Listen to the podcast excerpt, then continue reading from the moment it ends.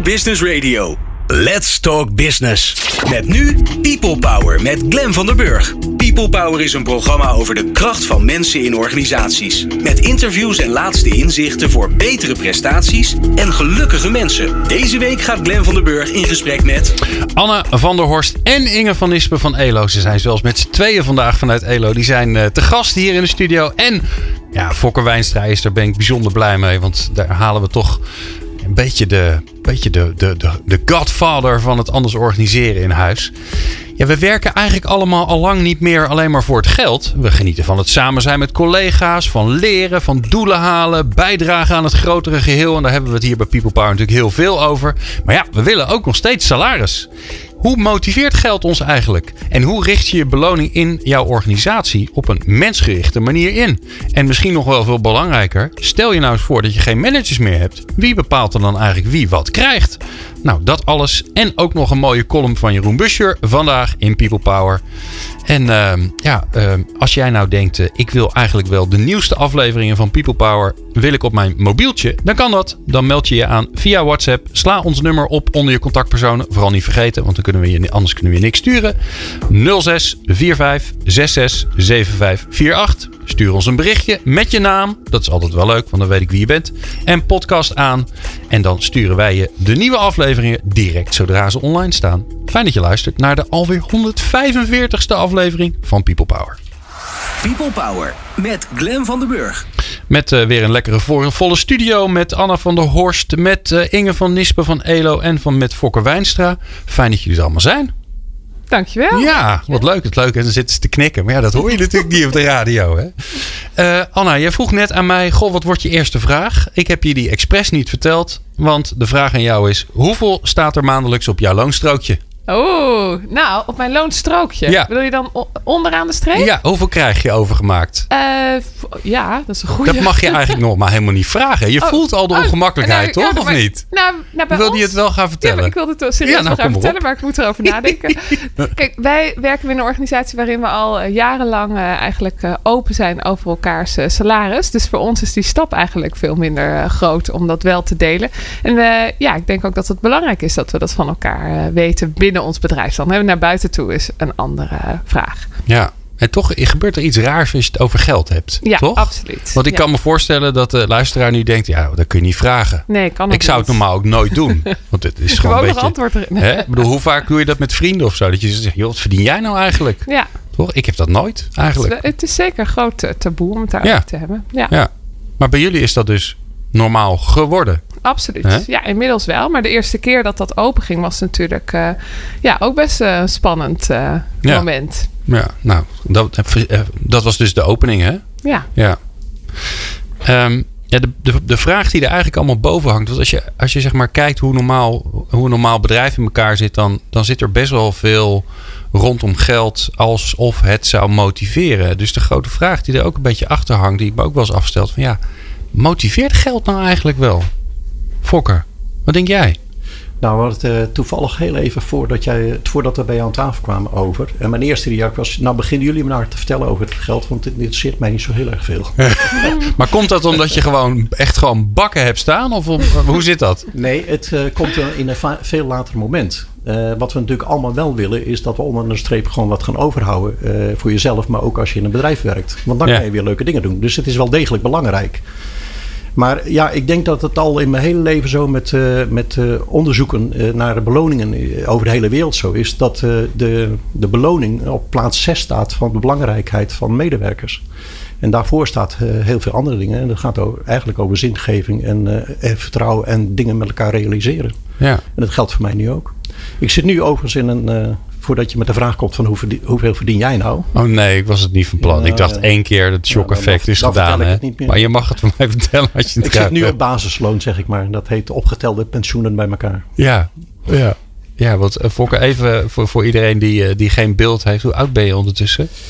Uh, ik ben uh, ongeveer 35 zoals ik me voel. Dus ik ben Ja? jonger dan mijn kinderen. Ja, Uh, zo zie je er ook uit. Ik, ik, dank. Ja. Uh, maar uh, ik verwissel dit, uh, dit jaar, word ik lid van de 70er club. Dus het gaat gebeuren. Ja, het gaat gebeuren, ja. En je voelt er niks van, of wel? Ja, het, het lichaam laat merken dat hij wat ouder wordt. Ja, ja. ja mooi. Jij, zit, jij bent al heel lang bezig met, met anders organiseren. Waar is dat begonnen? Uh, ik denk dat het uh, in het echi heel hard is begonnen met uh, een twintig jaar geleden. Eigenlijk deze week twintig jaar geleden toen we besloten om Change Vision en de Vision Web op te richten. Waar Phoenix uit is voortgekomen. Maar als ik doordenk waar de, waar de kern van, van de ideevorming komt. Is denk ik dat ik het kan terugvoeren tot mijn tijd uit de scouting. De, Echt waar joh? Zeilende scoutings. Waar je toch in een klein team Hoewel ogenschijnlijk voor de buitenwereld, en dat was formeel natuurlijk ook wel best wel rangorde hebt, want je hebt toch wel een bakoudste en zo, degene die eh, de schipper is. Maar in werkelijkheid zat je het gewoon met elkaar op te lossen. En uh, je had rollen uh, ja, afhankelijk van de situatie op, die er op dat moment was. Ja. Ja. En daar ligt toch wel de kraamkamer. En natuurlijk uh, ja, de opvoeding van mijn ouders die me heel vrij hebben gelaten. En het volste vertrouwen in hadden dat ik de goede dingen deed. Heb ik overwegend ook wel gedaan, denk ik.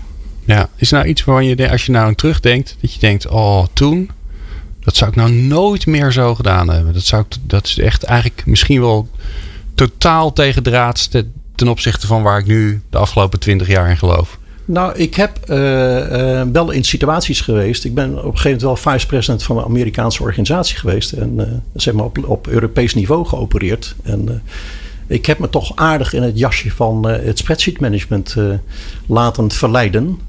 Uh, hoewel ik daar met de club uh, daar anders op acteren. Maar soms heb ik toch wel gehandeld. Denk van ja, nee, ik had die mensen niet moeten ontslaan of zo. Ik had anders moeten oplossen. En uh, ik heb soms wel eens een beetje te veel meegegaan met de waanzin van dat, nou we zeggen, Anglo-Saxische denken. Ja. ja. En dat was er in die tijd ook. Spijt van, ja. Bonussen en salarissen, dat was toen belangrijk. Ja, die heb ik absoluut binnengehengeld. Maar ik deel het wel graag met de anderen. ja, ja. Je hebt het wel goed gemaakt, ja. ja. Dus uh, ja, Joep Schrijvers heeft een keer het boek geschreven... Hoe, hoe word ik een rat? Daar staan anoniem wel een paar casussen van mij in. Oh. Maar ik vond dat spel niet leuk. En ik heb hem wel naar mijn hand gezet. Dus het is ergens ook weer... Je moet het systeem ook een beetje... Voor je gebruiken eigenlijk. Ja, ik zou wel lazeren gebruiken. Maar daar komt het wel ongeveer op neer. Ja. Inge van Ispen, geld, uh, ja, de, de, de, motivatie van geld. Wat, wat, hoe, hoe zit dat in elkaar? Want het, het gekke is natuurlijk hè, dat we het hier bij People Power heel vaak hebben. En zeker als, als jullie in de studio zijn vanuit ELO over dat werk belangrijk voor ons is. En je moet je ontwikkelen en alle motivatietheorieën komen langs. Maar ja, we willen nog steeds salaris hebben. Dus wat is dat voor raar ding? Ja, op zich is het niet zo raar dat je salaris wil hebben, want je hebt ook een huis en uh, dingen om te kopen. Um, uh, volgens mij gaat het inderdaad vooral om dat we, dat we nog, nog steeds doen in de organisatie alsof inderdaad geld hetgene is wat ons, wat ons motiveert. En dat we dus inderdaad elke, elk jaar stappen willen maken, want dan gaan we nog harder werken, nog beter ons best doen en dan gaan we nog meer uit onszelf halen. Terwijl we eigenlijk al heel lang weten dat het niet zo werkt. Dus ja, maar daar, daar moeten we even een punt zetten. hè? Want Dat, wij, wij vinden dat allemaal met z'n allen, maar we moeten niet over de vanzelfsprekend van onszelf heen stappen. Dus je moet hem nog even herhalen, dan krijgt hij nog extra zwaarte. Ja. Hè? Dat werkt niet zo. Dat werkt niet zo. Nee, maar wat werkt er dan niet zo? Nou, het werkt niet zo. Eh, het, hele idee van, van belonen is natuurlijk eigenlijk... je hebt echt belonen en straffen. En dat gaat er eigenlijk over het idee dat uh, mensen van nature... een soort luie wezens zijn die je zeg maar moet aansporen om beter te presteren. En dat als je daar dan een, een beloning aan koppelt, dat ze dan harder gaan werken of beter uh, hun best gaan doen. En als je die uh, straf gaat uitdelen, dat het dan hè, als een soort uh, standje is. Maar intussen weten we, en dan we zeg ik vanuit de psychologie, dat mensen eigenlijk, de meeste mensen zijn van nature best wel gemotiveerd om te werken. Vinden ook, hebben talenten, willen, willen leuke dingen doen en willen graag een bijdrage leveren. Dus um, je moet eigenlijk vooral gaan kijken van hoe kun je die intrinsieke motivatie van mensen, hoe kan je die uh, stimuleren? En hoe kan je zorgen dat mensen het gewoon naar hun zin hebben en inderdaad op een prettige manier met elkaar samenwerken?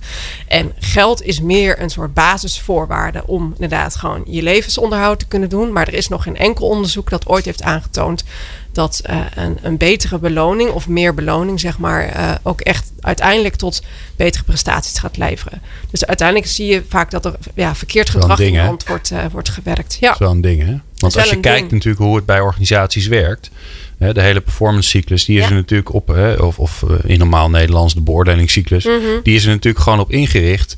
doe je best, dan krijg je aan het einde van het jaar 4% bij in plaats van 2%. Even simpel gezegd. Ja, en ik denk dat als je daarna vraagt, hè, en uh, ergens in januari komt die eerste storting. Nou, dan zijn mensen misschien nog twee weken blij. En daarna gaat, gaat iedereen over tot de orde van de dag. Dus het, het, heeft wel een effect, maar het is een heel korte termijn effect. Ja. En het, ja, het feit dat we dat nog steeds met z'n allen doen, is eigenlijk in die zin een beetje, een beetje raar. Wat is dat, Anna? Wat? Ja, dat we, dat we dat nog steeds doen. Waardoor we dat nog steeds doen? Ja, waarom zijn we... Uh, een gemiddelde grote organisatie... Kleine volgens mij ook veel, maar zeker de grote organisaties... die hebben nog steeds dezelfde manier van...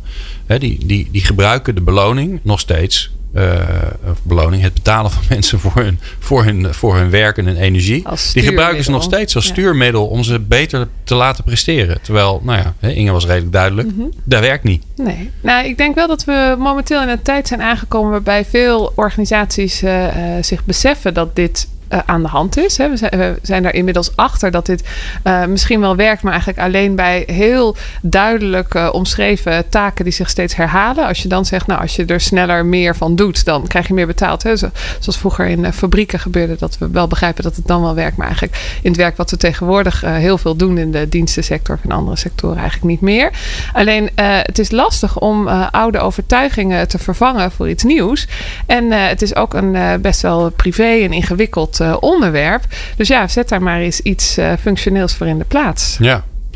Nou, het mooie is, daar gaan we het straks over hebben. Dus hoe kan je het dan anders doen? Want uiteindelijk, ja, het, is mooi dat we weten dat andere dingen ons motiveren dan geld. Maar ja, je moet nog steeds wel die beloning regelen. Want iedereen wil nog steeds gelukkig. Maar ook hè, willen we nog steeds betaald worden voor het werk wat we doen. En hoe je dat dan doet, dat hoor je straks. People Power. Inspirerende gesprekken over de kracht van mensen in organisaties. Met Glen van der Burg. Anne van der Horst, Inge van Nispen en Fokker Wijnstra zijn in de studio. En uh, we praten met elkaar over, uh, ja, over zo'n zo'n onderwerp waar je, waar je misschien niet snel van verwacht dat we het hier bij People Power over hebben. Maar we hebben het over geld, over salaris, beloning. Gewoon datgene hè, waarvan je dan wel eens gekscherend zegt de, de fooi waar we ons werk voor doen. Nou ja, wij gebruiken dat natuurlijk helemaal niet. Hè, want wij, er zijn allerlei andere prachtige dingen die je krijgt als je aan het werk bent. Maar ja, ook salaris zit er gewoon nog bij. En dat is toch een beetje een. Als je het dan hebt over anders organiseren, nieuw organiseren. Uh, uh, de verantwoordelijkheden op andere plekken leggen. Dan is toch ook altijd wel de vraag van ja, hoe, hoe, hoe werkt dat dan? Nou ja, in, de, in een gemiddeld groot bedrijf. Of bij een bedrijf die onder een CAO valt. Dan heb je schalen. En dan krijg je elk jaar een stapje erbij. En als je het goed doet, krijg je er misschien wel twee stapjes bij. Ja, dat we hebben net eigenlijk uh, samen geconcludeerd. Ja, dat is allemaal hartstikke leuk. Maar als, als motivatiemiddel voor betere prestaties werkt het niet. Dus hoe kan je dat anders doen? Ik kijk even naar, uh, naar, naar, naar, naar Anna en of Inge. Jullie mogen zelf kiezen wie er antwoord gaat geven. Dat is nu is interessant voor jullie eigen communicatie, non-verbaal, wie er wat gaat zeggen. Jullie doen dat volgens mij anders bij ELO. Hoe, hoe kan dat dan anders? Ja, hoe kan het anders? Um, nou, sowieso eigenlijk, we moesten het ook wel anders doen. Hè? Want uh, uh, wij werken al uh, sinds lange tijd, bijna tien jaar nu zonder leidinggevende.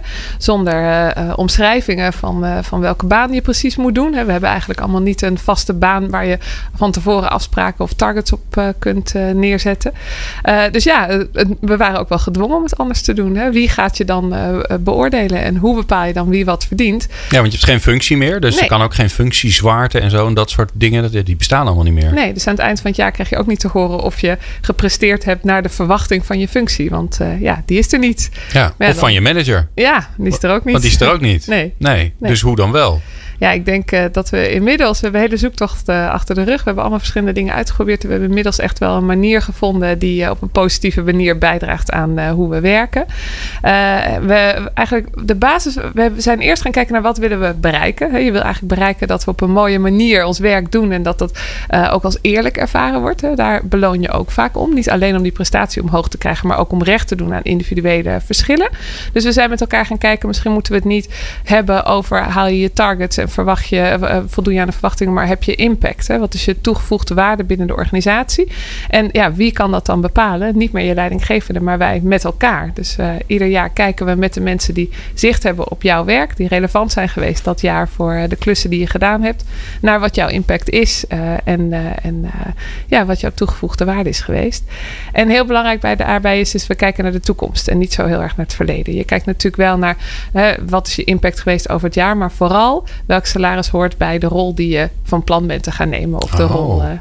Die je wil gaan neerzetten. Oh, wat grappig. Dus je, want meestal is het natuurlijk zo dat je terugkijkt. Hè? Je hebt goed gepresteerd, dus je krijgt een beetje meer. Mhm. En jullie zeggen eigenlijk van nou, je bent van plan dit te gaan doen. Dus daar past eigenlijk wel een beetje meer bij. Of minder. Nou, vaak wordt het beloningsgesprek of het beoordelingsgesprek gebruikt eh, om gedrag bij te sturen. Je zegt van als je, als je dit gaat doen, dan krijg je meer. Of je hebt dit niet goed gedaan, dus je krijgt minder. Eh, eh, maar we zeggen eigenlijk dat is niet, niet de bedoeling. Eigenlijk leer je niet op het moment dat je een gesprek hebt over geld. Dan staat je, staan je oren eigenlijk dicht, want je zit daar alleen maar in met ik wil graag zoveel mogelijk verdienen. Dus ik moet mezelf hier zo goed mogelijk neerzetten. Dat is bij uitstek niet het moment waarop je zegt, nou vertel mij maar hoe ik eh, Nee. mezelf kan ontwikkelen. Dus we hebben dat, die twee onderwerpen zo ver mogelijk van elkaar afgehaald. Leren en ontwikkelen doe je met elkaar het hele jaar door. Meteen in het moment, hè, in het dagelijkse werk. En er is één vast moment waarop je het over salaris hebt. En dan gaat het over de rol en de verantwoordelijkheden die je kiest. Ja. Maar dat doen jullie met elkaar. Ja. Wie dan met wie? En, dan, eh, en hoe stem je dan af? Dat is lijkt me een raar- soort Poolse landdag bijna, joh. Nou, het is eh, inmiddels eh, best gelukt om dat niet eindeloze discussies te laten Ja? zijn. Ja, we hebben daar een soort van systeem voor gevonden. Dus we hebben gezegd, iedereen die eh, zoekt aan het einde van het jaar eigenlijk eh, nou, drie of vier collega's uit waar die dat jaar het meest mee gewerkt heeft. Eh, en dat zijn directe collega's en dan, en dan ook nog één collega die een beetje zicht heeft over, over zeg maar, eh, de hele organisatie.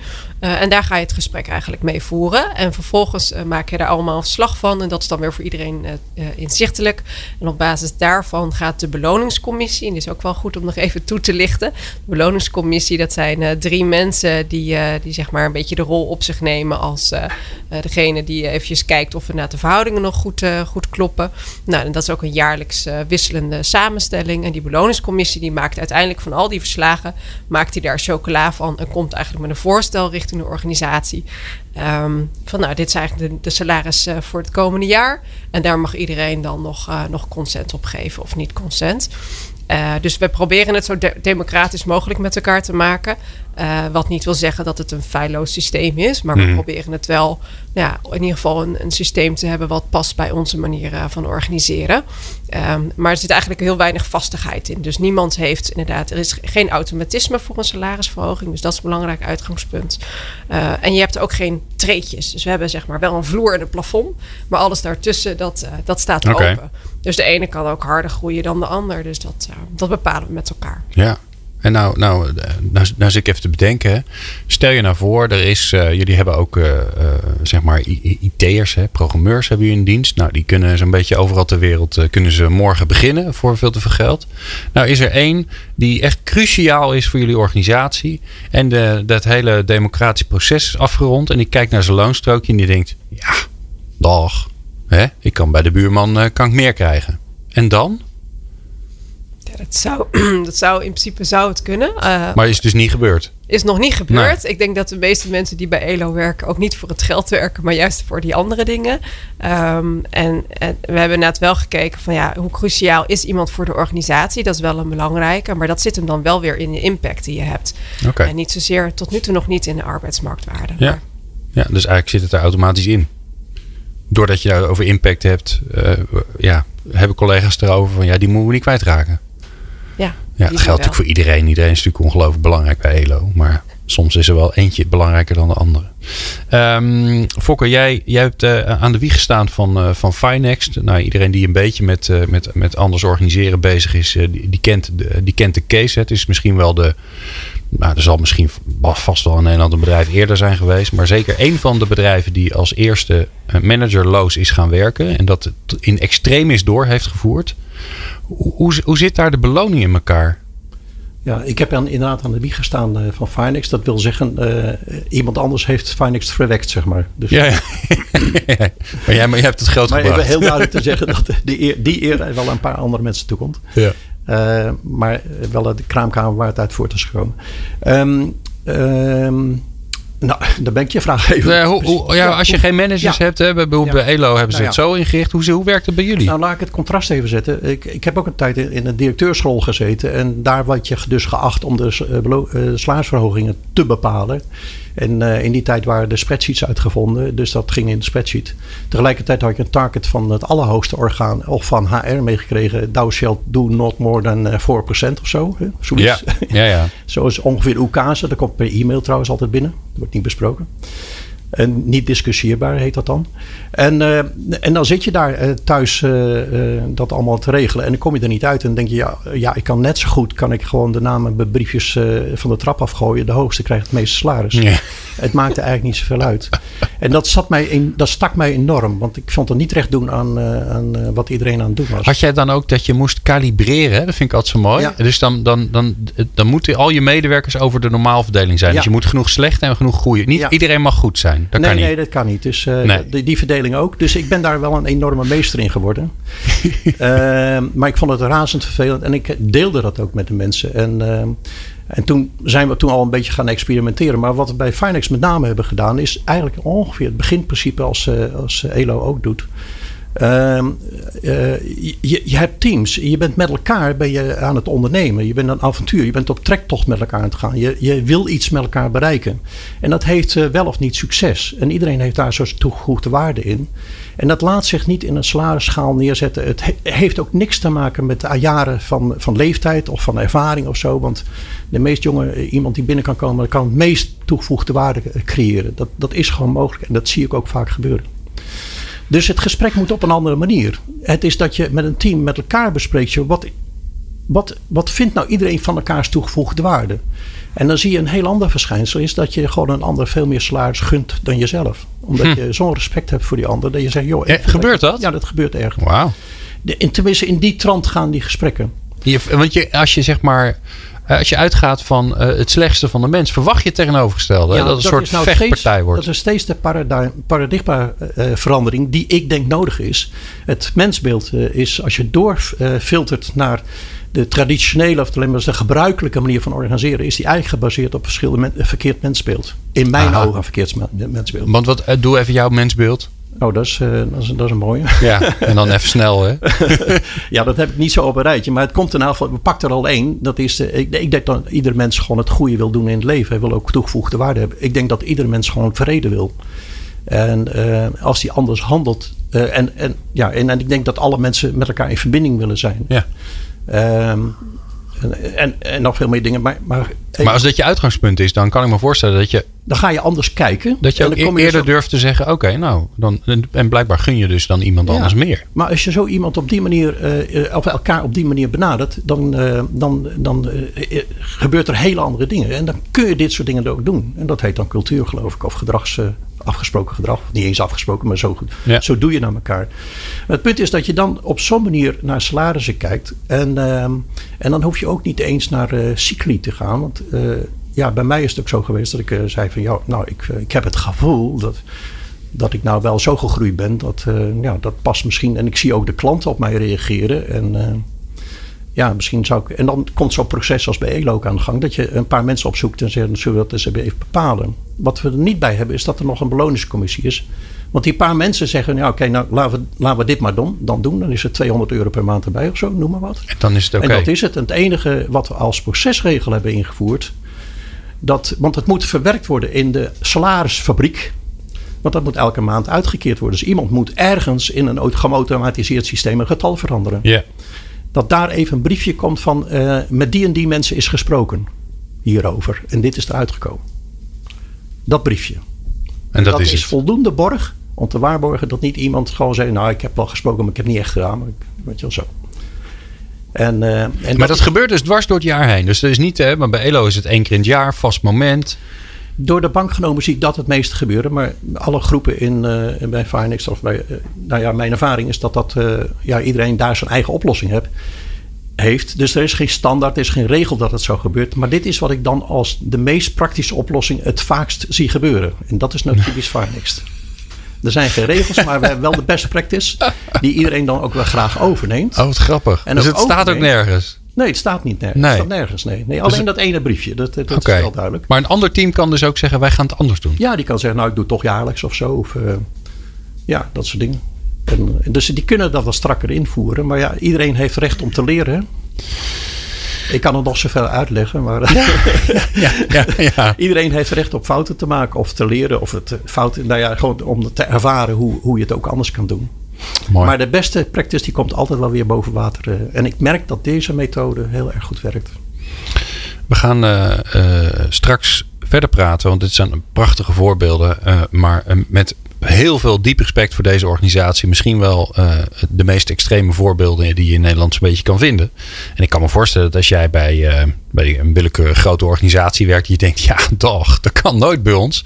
Dus ik ga ze ook een beetje uitdagen om iets te verzinnen wat, nou, wat, wat een eerste stapje zou kunnen zijn. Zodat je het een beetje anders kan doen en niet gelijk alles overboord hoeft te kieperen. Um, maar dat doen we na Jeroen Buscher met zijn bespiegeling. En die hoor je zo. In een grote leren fauteuil. Met een boekenkast vol kennis. Mijmert hij over het werkende leven. Hier is Buschers bespiegeling. Ja, het is weer tijd voor Jeroen Buscher. En ik heb een uh, stemmige nieuwe jingle voor hem gemaakt. Om te zorgen dat hij zich lekker thuis voelt. Om te mijmeren over organisaties en organiseren. Jeroen, welkom. Hallo, hallo, hallo. Ik hoorde helemaal niks. Hoorde je helemaal niks? Een hele stille jingle. Ach, gossie. Nou, nou ik, zal, ik zal hem de volgende keer live aan je laten horen. okay, hey, okay. hey ik, ik ben benieuwd. Waar, waar ga je het over hebben vandaag? De, de, de titel is deze keer Ik zeg altijd ja. Ja. Nou, zal ik losgaan? Ga maar los. Wanneer zeg je nee? Vroeg een collega aan mij. En ik vroeg natuurlijk waarom. Nou, er zijn natuurlijk opdrachten uh, waarvan je zegt: nee, die, die ga ik niet doen. Hè? Je moet nee kunnen zeggen. Nou, helaas, ik zeg altijd ja. En dat heeft eigenlijk te maken met iets wat ik, wat ik veel in organisaties ook tegenkom. Ik kom in organisaties veel tegen dat mensen klagen over de, de restricties, over de, de regels, de procedure, de bemoeierige chefs, de, de weet ik wat. Wij klagen wat af in organisaties. En uh, ik zelf als professional ben er eigenlijk altijd over verbaasd. Want wat is nou uiteindelijk mijn rol?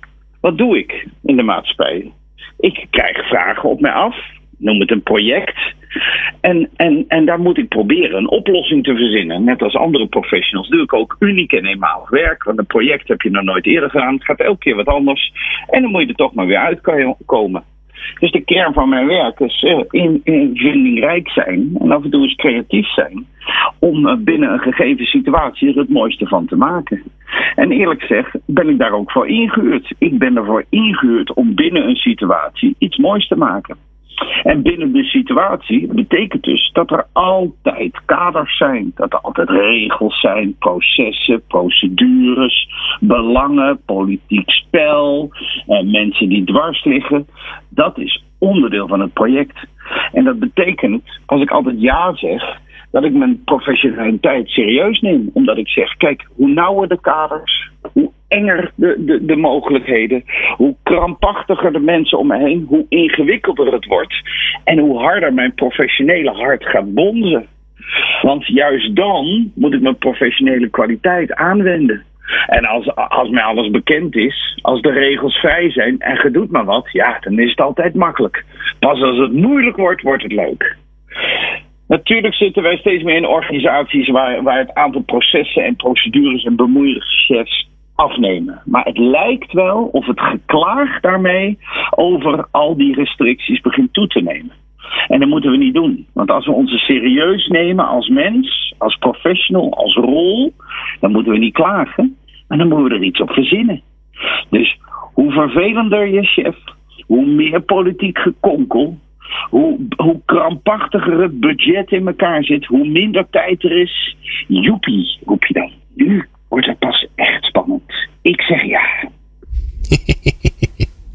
ik dacht, eh, Jeroen, toen jij uh, aankondigde dat, je, dat dit jouw, uh, jouw titel ging zijn. Want ik, ik vraag altijd van tevoren even waar je het over ging hebben. Dacht ik, oh, nu gaat hij echt een. Dat, dat over altijd ja zeggen, dat je dat juist niet wilde. Ik, dacht, ik, en ik, ik begon me al zorgen te maken. Want het is een van mijn van mijn dingen dat, ja, dat ik altijd vooruit kom als ik gewoon tegen dingen, als ik denk, nou, dit is spannend, dan zeg ik wel ja. Maar uh, wat mooi, we zitten op één lijn. Wat heerlijk. Ja. Ja, en, ja. en ook weer saai, hè? We, we, doen altijd zo stoer van dat je nee moet kunnen zeggen. Nou, ik vind het helemaal niet stoer. Ik vind eerlijk zeg juist een beetje laf als je nee zegt. Ja, gewoon lekker ja zeggen. Nee, kan altijd nog. Mooi. Ik ben weer blij. Ben je ook blij? Ik ook. Was je tevreden over jezelf? Ja, vooral die ik, stille jingle ik, vond ik, ik fantastisch. Ja. Wil je nog feedback? Oh nee, dat doen we niet meer aan, hè? Nee, ik zal het niet ontslagen. Hey, ik wens je heel veel geluk met het programma. Dankjewel, Jeroen. Bye bye. Hey, jongen. People Power met Glen van den Burg. Meer luisteren? people-power.nl We hebben het vandaag over, uh, over belonen. Misschien wel een beetje het, het, hete, het hete, hete hangijzer in organisaties. Hè. Dat is allemaal, zeker in grote organisaties, best wel, best wel prima geregeld. Er is allemaal structuur en netjes en CO en stapjes. En er zijn zelfs bedrijven in de wereld die daar, die daar heel veel geld mee verdienen om dat soort plannen in elkaar te zetten. Die, die heb je gewoon. Hè. Die maken dan een functiebouwwerk en dan uh, functiewaarderingsgedoe en zo allemaal. En dat doen ze allemaal heel erg gedegen, zodat iedereen dan denkt, ja, ja is over nagedacht, dus het zal wel goed zijn. Uh, maar ja, als je dan vervolgens, uh, zoals wij concludeert, dat uh, geldelijke beloning eigenlijk helemaal niet motiveert en niet zorgt voor betere prestaties. Ja, waarom doe je dat dan nog allemaal?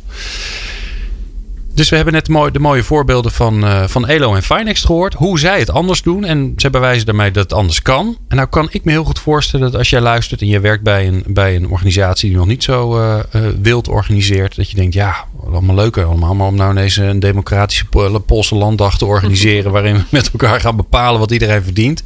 Hmm, dat is al een beetje te ver van mijn bedshow. Dus, um, Fokker, laat ik eens bij jou beginnen. Fokker Wijnstra. Hoe zou je kunnen beginnen? Wat zou een eerste stap kunnen zijn waarvan je zegt van nou, hè, je hebt ook in die oude wereld gezeten. Wat zou dan een, een, een acceptabel experiment kunnen zijn? Ja, er komen een paar dingen naar voren. En uh, het, het allerbelangrijkste, als ik, het eerste in, in te binnen schiet is meestal de belangrijkste, is maak het gewoon simpel. stap eens uit het toneelstuk wat je met elkaar de hele dag aan het opvoeren bent. En en uh, geloof nou dat uh, alle mensen bij elkaar gewoon de beste oplossing weten te creëren. Dus uh, ja, praat met elkaar over hoe ze bijvoorbeeld de belonen anders zouden willen. En uh, uh, het is eerst geloven en dan zien. En we zijn al gewend om uh, eerst te zien. Ik moet eerst nog zien en dan geloof ik het pas. Nou, stap daar nou eens uit. Ik, dus het zijn veel omkeringen die je zou moeten doen. Hm? Niet ingewikkeld maken, juist, juist versimplificeren. Dus misschien moet je wel heel veel van die HR-mechanismes gewoon overboord gooien. En dan om even bij het ja te blijven. Uh, say yes to the mess, zeg maar. Die heb ik weer opgepikt bij een boekpresentatie afgelopen vrijdag van Hans Heida. Die heeft een leuk boekje geschreven. Misschien moet je dat boekje kopen. Oh, nou, Weet ik niet, maar het zag er, goed, het zag er goed uit. Um, maar accepteer nou, ga, ga eens dan staan in de werkelijkheid die dan gaat beginnen. En uh, los dan niet alles onmiddellijk op, maar uh, vertrouw erop. Dus trust de processen, maar vertrouw het proces wat dan op dat moment gaat ontstaan. Ja. En uh, misschien gaan er in de En gooi het open, zeg jij. Gooi, gooi, gooi het, open. open. Zet mensen bij elkaar en zeg, joh, hoe kunnen we dat anders doen? Ja, het geeft dus ook met het wens, mensbeeld te maken. Ik heb gewoon een rotsfout vast vertrouwen in het vermogen van iedereen. Waarom zou ik het alleen kunnen? Iedereen kan dat toch? Uh, om, uh, om tot hele mooie oplossingen te komen. Als het maar opengegooid wordt. Als maar het vertrouwen er dus ook is. Dat iedereen zich kan uitspreken. En dat er geen rare dingen mee gebeuren. Dus als je als leider daar verandering in zou willen nemen. Uh, dan, dan moet je vooral werken aan, aan de context. Aan, aan de situatie waarbij dat allemaal kan. Ja. Maar dus dat is niet een hele gaan, stap. Niet gaan bedenken. Niet gaan bedenken. Nee. nee. Geen dus, verzinsels van de top had ik dus, hier even opgeschreven. Ja, ja, dus, ja. dus juist niet oplossen, maar, nee. maar uh, je vraagstuk op tafel ja. leggen. Zeg, een, joh, uh, een heel mooi voorbeeld. Uh, dat is, die ken je ook, dat is Effectory. Die ja. hebben natuurlijk, die komen vanuit een hiërarchie, waarbij de directeur ook nog de eigenaren waren. En de eerste set kwam eigenlijk, eigenlijk de eerste ideeën kwamen van, van de medewerkers. En dat hebben zij gewoon met twee oprichters gewoon omarmd. Okay. En, uh, en, zij zijn in het proces gegaan. Ja, nou laten we dan maar, los, uh, dan maar eens uitvinden met elkaar hoe we dat doen. En die hebben gewoon mensen op tafel gezet. Ja. Of tenminste, ja. alsof ze dat gedaan hebben. Nou, dat klinkt dan, alweer zo, hè? Ze dan, hebben gevraagd aan mensen of ze, of ze wilden helpen. Dat klinkt al een nou, stuk vriendelijker. Ja, ze hebben, nou, ja, de medewerkers begonnen. Ja, oh ja, ja. ja, ja er werd niks gevraagd. En, ja, brood heft in En ze hebben eigenlijk ruimte gegeven. Dus uh, ja. niet, niet, dus ook dat tegenstelling van de zogenaamde loslaten. Loslaten vind ik nog hetzelfde als vasthouden, maar dan wat minder. Het gaat om ruimte creëren waardoor het kan gaan ontstaan. En dat is dan misschien een mes, maar zeg, zeg, zeg daar, daar Say yes to ja, the mess. Uh, ja. yes to the mess. Mooi. Ja. Um, uh, Anna en Inge, ja, die zijn een soort, uh, soort oude koppel op deze manier. Leuk duo zo. Leuk duo mee. Nou, misschien kunnen jullie een beetje zingen trouwens. Anders dan uit. Nee? Oh, ah, nou. Nee. Alleen de karaokebar. Um, uh, wat ik kan me voorstellen dat jullie hier bij klanten ook tegenaan lopen. Hè? Die, dan, die dan zeggen van nou, uh, ja, goh, wij worstelen daar een beetje mee. Wat adviseer je ze dan? Nou, we adviseren in ieder geval niet om te beginnen met uh, uh, onderling met elkaar uh, het salaris te verdelen. Want dat is eigenlijk de lastigste stap. Hè, om met elkaar te bedenken of te bepalen wie wat verdient. dus daar, als je daarmee zou beginnen, loop je het risico dat het daar meteen op stuk en wat loopt. Maakte dat, wat maakte dat nou zo lastig? Hè? Ja, daar zit de meeste emotie. Hè? Als je ineens met elkaar over dat soort dingen moet beslissen, ja, daar ja, komen allemaal verschillende belangen bijeen. Dus het is makkelijker, denk ik, om niet meteen daar, maar ergens anders te beginnen. Maar zeg je dan ook, Anne, want ik blijf even bij ja? hoor. Zeg je dan ook, uh, als je dingen anders wil doen, begin dan bij, bij, bij alles anders te doen. Maar laat dat, laat dat geld, laat die beloning, laat dat salaris even tot het laatste liggen. Dus begin bij taken anders verdelen, uh, misschien functies opheffen of multifunctionele teams. Nou, je kunt natuurlijk van alles nog wat verzinnen wat je anders zou kunnen doen. Maar wacht hier even mee. Nou ja, ik zeg niet, je mag er niet mee beginnen, maar het is het lastigste stuk. Dus als je wil dat je cultuur verandert, als je op een andere manier wil werken, zou ik niet meteen beginnen bij hetgene waar de meeste spanning en emotie bij komt. Er komt er heel veel ja maar en uh, dat kan toch niet. Hè? Maar bij jullie dus ook? Ja, absoluut. We zijn heel langzaamaan, stapje voor stapje. We zijn best wel rigoureus anders gaan werken. Hè? In één keer alle leidinggevenden eruit. Maar ik denk dat bij onze grootste eerste stap was dat, hè, dat leren en ontwikkelen niet meer gebeurt tijdens het beoordelingsgesprek. Uh, uh, uh, maar dat dat op een ander moment gebeurt. En ik denk wat Fokko net zei, wat wel heel leuk was, hè, dat stoppen met het toneelstuk. Ik denk dat dat het belangrijkste is. We hebben heel veel aannames waarvan we eigenlijk ook wel weten dat ze niet waar zijn. Bijvoorbeeld dat de prestatie heel meetbaar is. Er zijn misschien een aantal beroepen waarbij je meteen één op één de output kan zien. Maar ja, we werken in een team met elkaar samen. We zetten Ja. met elkaar een prestatie neer. Dus een individuele prestatie is altijd nou, afhankelijk of wordt beïnvloed door andere mensen. En tegelijkertijd, ja, wie, wie is die ene persoon of die andere persoon om die prestatie goed in te kunnen schatten? Vaak doet nu de leidinggevende dat, maar dat is lang niet degene die iemand het meest ziet werken. Dus zet in dat eh, eh, weergeven wat iemand doet en wat de impact is binnen een organisatie mensen zelf in de lead. En vraag aan mensen om dat met hun collega's, met de mensen die relevant zijn voor die prestatie, het te bespreken. En stap dan ook vooral meteen af van dat heel normerend doen. Hè. Zeg niet je hebt wel of niet voldaan, maar zeg eh, eh, het is beter geworden dan het was. Of je hebt een grotere impact of je bent gegroeid. Je hoeft niet meteen te zeggen eh, eh, dit was precies conform de afspraak aan het begin van het jaar. Of, eh, Mhm. ja, Nou, sterker nog, hè, als iemand dat doet, dan zou ik zeggen: dan heb je het niet goed gedaan. Want in dat jaar is er zoveel gebeurd. Als je precies gedaan hebt wat je van tevoren hebt afgesproken, dan is er iets misgegaan. precies. Toch? De werkelijkheid heeft gewoon zijn best gedaan. Ja, dat is een andere aanname die bij beloning vaak een hele grote rol speelt. Dat je een jaar vooruit kunt plannen. Ja, is dat zo? Heel vaak niet. Nee. Nee. Nee, maar wat, wat, wat jij zegt is betrek collega's ermee. Dat, dat gebeurt natuurlijk al stiekem een beetje hè, met 360 graden feedback en Zeker. tooltjes. Hè, dus dat soort dingen worden al wel meegenomen binnen dan de beoordelingscyclus. Maar hoor ik jullie nou ook zeggen, misschien moet je daar iets mee stoppen eerst? Eerst even die beoordelingscyclus gewoon even de nek omdraaien. Dat toneelspel. Nou, in, ieder, in, in ieder geval het toneelspel. Twijfelachtig ja, gekeken. In ieder Ja. geval het toneelspel. Hè? Want het, het gaat, eh, dat hele beoordelingssysteem dat, dat suggereert een soort maakbaarheid. Dan heb je drie gesprekken per jaar. En dan op het eind van het jaar dan eh, ga je hè, het hele jaar beoordelen volgens een soort standaard lijstje met competenties en een vijfpuntschaal. En ja, daar zit, zitten allerlei, eh, allerlei systemen achter die, nou, ja, die, waarvan we inderdaad zelf in ieder geval zeggen van ja, die werkt niet bij ons. En ik zie ook bij heel veel andere organisaties dat het ook niet werkt. Omdat het inderdaad eh, nou, eigenlijk gebaseerd is op allerlei aannames die helemaal niet kloppen. Is daar Dus nou eigenlijk ooit onderzoek naar gedaan? Hè? Want, want het is een, een soort industrie op zich, hè? die hele beoordelingssystematiek. Er zijn bedrijven die daar hun geld mee verdienen. Is er nou ooit onderzoek naar gedaan of het überhaupt werkt? Ja, er is onderzoek Ja? naar gedaan. En er is in ieder geval onder- uit geen enkel onderzoek gebleken dat het werkt. Dus Ja, maar daar ik kan me- fascineert het mij ook zo. Ik, ik, ik hoor toch, hè, maar dat is, eh, hè, dat is natuurlijk eh, totaal niet eh, representatief. Maar als ik eh, eh, zeg maar zo rond de jaarwisseling met mensen spreek en die hebben hun beoordelingsgesprek gehad, er zijn er niet zo heel veel heel positief over. Terwijl het wel hele leuke mensen zijn. Dus dan denk ik, ja, daar gaat iets mis. Ja, dat klopt. Omdat inderdaad die leuke mensen vaak niet zo ook hele leuke gesprekken voeren. Die ze dan door het jaar heen wel, eh, wel voeren. Maar dan op het einde van het jaar, dan wordt het in één keer heel formeel en heel kunstmatig. En dan ga je inderdaad met elkaar een toneelstukje op, eh, opvoeren. Waarbij vaak zowel de leidinggevende als de medewerker eh er allebei het liefst vanaf willen zijn. Ja. Dus wij zouden inderdaad zeggen van nou, begin nou gewoon eens met goede gesprekken voeren met elkaar op een hele menselijke, normale manier. En dan kan je op een gegeven moment toewerken naar een systeem waarin je gaat proberen inderdaad om, uh, om te kijken hoe je die beloning ook wat mensgerichter doet. En ja, wat ik dan in ieder geval los zou laten als eerste stap is de norm. Want de norm suggereert ook iets van, nou, ja, dan heb je een soort helemaal berekend wat het gemiddelde moet zijn wat iemand presteert. En dan kan je daarboven zitten of daaronder.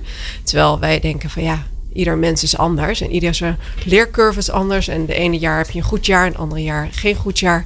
Dus ga nou eens gewoon eerst eens kijken naar, naar de mens zelf en zijn potentieel. In plaats van alles in een uh, systeem of een Excel-sheet te duwen. Ja, ja, dus eigenlijk zeg je um, uh, het hele systeem zoals nu in elkaar zit, dat lijkt alsof het, uh, hè, alsof het gebouwd is om het, om, het, om het waar te laten zijn. Dat is niet zo. Hè? Dat is allemaal uiteindelijk toch heel erg subjectief wat er gebeurt. Dus doe het dan subjectief. Dan snapt Ja. iedereen het tenminste weer. Ja, wij zijn in ieder geval eerlijk over dat het een subjectief proces Ja. is. En we proberen niet inderdaad eh, te doen alsof het heel objectief is. Ja, ik, en jullie zeiden net iets heel interessants. Hè? Eh, het moet eerlijk zijn. Dus dat is belangrijk bij beloning. Ehm, en er is verschil tussen mensen. Want het klinkt ook een beetje van, eh, oh, eh, het is een soort communistisch systeem. Iedereen krijgt hetzelfde. En eh kumbaya, we zitten met z'n allen met de geitenwolle sokken eh, thee te roken. Want dat, dat- an- an- andere dingen mogen niet. Ehm, maar dat is dus niet zo. Er is verschil. Ja. En dat, en dat, en dat, dat, dat is wel spannend. Want het, ook dat is uitermate subjectief. Hè? Dus waarom moet de een meer dan de ander? En, en de groep moet, zich daar eer, moet het gevoel hebben dat het eerlijk is. Ja, klopt. En dat is dan precies wat Anna zei. Dat daarom ligt het ook zo gevoelig. Want zodra je het gaat hebben over eh, uiteindelijk dat salaris en wat iemand dan waard is, dan, eh, dan heb je het uiteindelijk toch, of zo voelen mensen het vaak toch als een stuk erkenning of waardering van wat ben ik dan waard en doe ik er dan toe? En hoe meer euro's, hoe meer ik ertoe doe. En dat krijg je nooit helemaal weg. Dus daarom merken we ook dat ook bij ELO sommige gesprekken nog best gevoelig kunnen liggen. Alleen wat we in ieder geval proberen is door het jaar heen zeg maar zoveel te doen dat iedereen zich wel erkend en gewaardeerd voelt en dat werk doet wat bij hem past. Dat we het eigenlijk minder groot proberen te maken. Dat die beloning is inderdaad iets, nou prima, hè, dat hebben we allemaal nodig. Maar hoe meer aandacht je eraan schenkt, hoe meer eh, gewicht het heeft. Terwijl die waardering en erkenning die we allemaal willen en allemaal eh, nodig hebben, die zitten maar Die uiteindelijk stop je in andere dingen. Ja. Ja. Ja, hoe, Fokke, hoe, is de, hoe is de ervaring bij, eh bij Finext hè, op dat gebied? Hè? Het moet eerlijk zijn, maar er is wel verschil. Ja, ja dit is eh, he- helemaal zo. Eh, eerlijk is dan fair, zeg maar. Het moet, je moet het ervaren als van de, dit klopt. Ja. En dat kan je alleen maar achterkomen als je dat met elkaar overlegt. Ik zat ook te bedenken dat wij thuis helemaal geen beloningssysteem hebben. en dat komt natuurlijk omdat we die fairness in onze relatie steeds met elkaar afstemmen. Eventueel op een dagelijkse wijze. Ja. En soms geeft dat ook conflicten. Maar als je daar dan een, eh, een situatie van respect en vertrouwen, en in dit geval ook liefde hebt, dan, eh, ja, dan, dan, dan kom je daaruit. Heeft het ook En iets met grootte te maken? Want want een, een gezin, jij hebt het over binnen Finext over een team. Hè, binnen, binnen ELO, eh, hoeveel mensen ongeveer? Iets meer dan 40. ja. Ja, daarom. Hè, dat is nog overzichtelijk. Ik ben eh, eh, na een paar jaar ook betrokken geweest bij initiatieven bij de politie. En dan zie je dat het ook eh, werkt. Eh, Oké. Je zal het misschien niet herkennen, want dat, dat proces gaat eh, behoorlijk langzaam. Tegenkrachten zijn vrij groot. Eh, maar ja, ik, ik wou niet weer het voorbeeld van buurtzorg nemen, maar dat is er wel eentje. Ja. Ik heb het ook gezien bij, eh, bij de overname van, of overname toen eh, die thuisorganisatie failliet ging. En, eh, en in een nieuwe vorm eh, met 4000 man doorging. Dat, dat, eh, dat mensen dat binnen, binnen, binnen een week omarmen, deze andere manier van werken. Ja. Ongelooflijk. Ja. Dus respect en vertrouwen, dat is een belangrijk verhaal. Als dat daadwerkelijk is onderling, dan kom je daaruit. ja. Maar het is niet makkelijk. En het gesprek met elkaar voeren. En ik kan me heel goed voorstellen dat het ook uitmaakt wie ermee begint. Dat als jij Ja, dat klinkt, als je net jezelf een, een salarisverdubbeling hebt gegeven. Oh, dat is vals. dat is Ja, vals, ja. ja, dat is vals. Maar even dat woord eh, eh, met elkaar in gesprek gaan is ook zo'n typische HR-term. Dus ik, Ja. gruwel, ik gruwelde tegelijkertijd van wat ik zeg. Maar wat ik eigenlijk bedoel is dat je gewoon even contact met elkaar maakt. En zeg joh, dit, dit is raar. Ik verwonder me. Hoe kan dat nou? Dus dat, dat is wel eentje eh, waar je Ja, het met elkaar communiceert. eh. Ja. Dus niet dat, dat we hebben het gesprek gevoerd, moeten we een verslag van maken. Nee, het Ja. is daadwerkelijk contact tussen mensen. Ja. Dus hier ook weer, maak het nou simpel en maak het nou echt iets zoals je thuis ook zou doen. Voorbeeld, als ik een conflict heb thuis gehad, ik heb iets slechts gezegd en mijn vrouw zegt, joh, daar, dat vind ik helemaal niet leuk. En ik weet eigenlijk wel dat ze gelijk heeft. Dan ga ik niet zeggen, bewaar het me even tot onze bilateraal overleg dinsdagavond om 9 uur. Dan kan ik één één Maar dat heb je niet. Nou, ik heb het een keer geprobeerd, dan moest zij lachen. Maar het werd mij wel duidelijk dat ik het niet de tweede keer moest doen. Want dan Ja, is zo simpel is het ook weer. Oh. Dus ja, het belangrijkste advies, maak het simpel en ga nou eens echt in contact. Maar dat is ook weer zo'n raar woord. Maar ik denk dat ik mijn punt ja, heb gemaakt. heb het erover. Heb het er gewoon eens Ja. over. Ja. En, dat, en dat kan je doen als je heel duidelijk eh, bent over wat je nou eigenlijk wil. Wat jij wil, wat de ander wil. En als je daarop communiceert, dan krijg je verbinding. En dan de rest is eh, rest my case, zeg maar. Hè? Ja. Mooi. Ehm, ik wil jullie bijzonder bedanken dat jullie hier zijn. Eh, Anne van der Horst en Inge van Nispen van ELO. En Fokker Wijnstra, jij bent van jezelf hè? Ik ben van mezelf. Ben je van Fokker Wijnstra mezelf. Incorporated? Ik eh, schrijf wel eens in, eh, in of voor seminars en dan krijg je eh, je naam en je functie Ja. en je bedrijf. Dat is heel erg. En wat schrijf je dan op? Niks. Zeiler heb ik wel eens Zeiler? gebruikt. Als metafoor. Fantastisch. nou, ehm, je hebt geluisterd naar Fokker Wijnstra, zeiler en eh, tevens eh, nou ja, eh, godfather van eh, het anders organiseren. Eh, bijzonder leuk dat jullie alle drie waren. Volgende week zijn wij er natuurlijk weer met een nieuwe eh, People Power. Twee stuks zoals elke week. En Ina Kerkdijk is te gast. Zij is van Zorgaccent om te praten over de mensgerichte verandering in de ouderenzorg. En Rob Haring komt langs. Hij is HR-manager van Topdesk Desk en hij komt langs in onze reeks die heet HR Creates People Power. Dat allemaal volgende week. Kun je daar niet op wachten? Dan ga je natuurlijk naar onze website. Die kun je vinden op peoplepower.radio. Nou, makkelijker kun je het niet hebben. Ik dank jullie bijzonder voor luisteren naar ons. En ik hoop dat jullie nog veel vaker luisteren. Tot volgende week. Doei.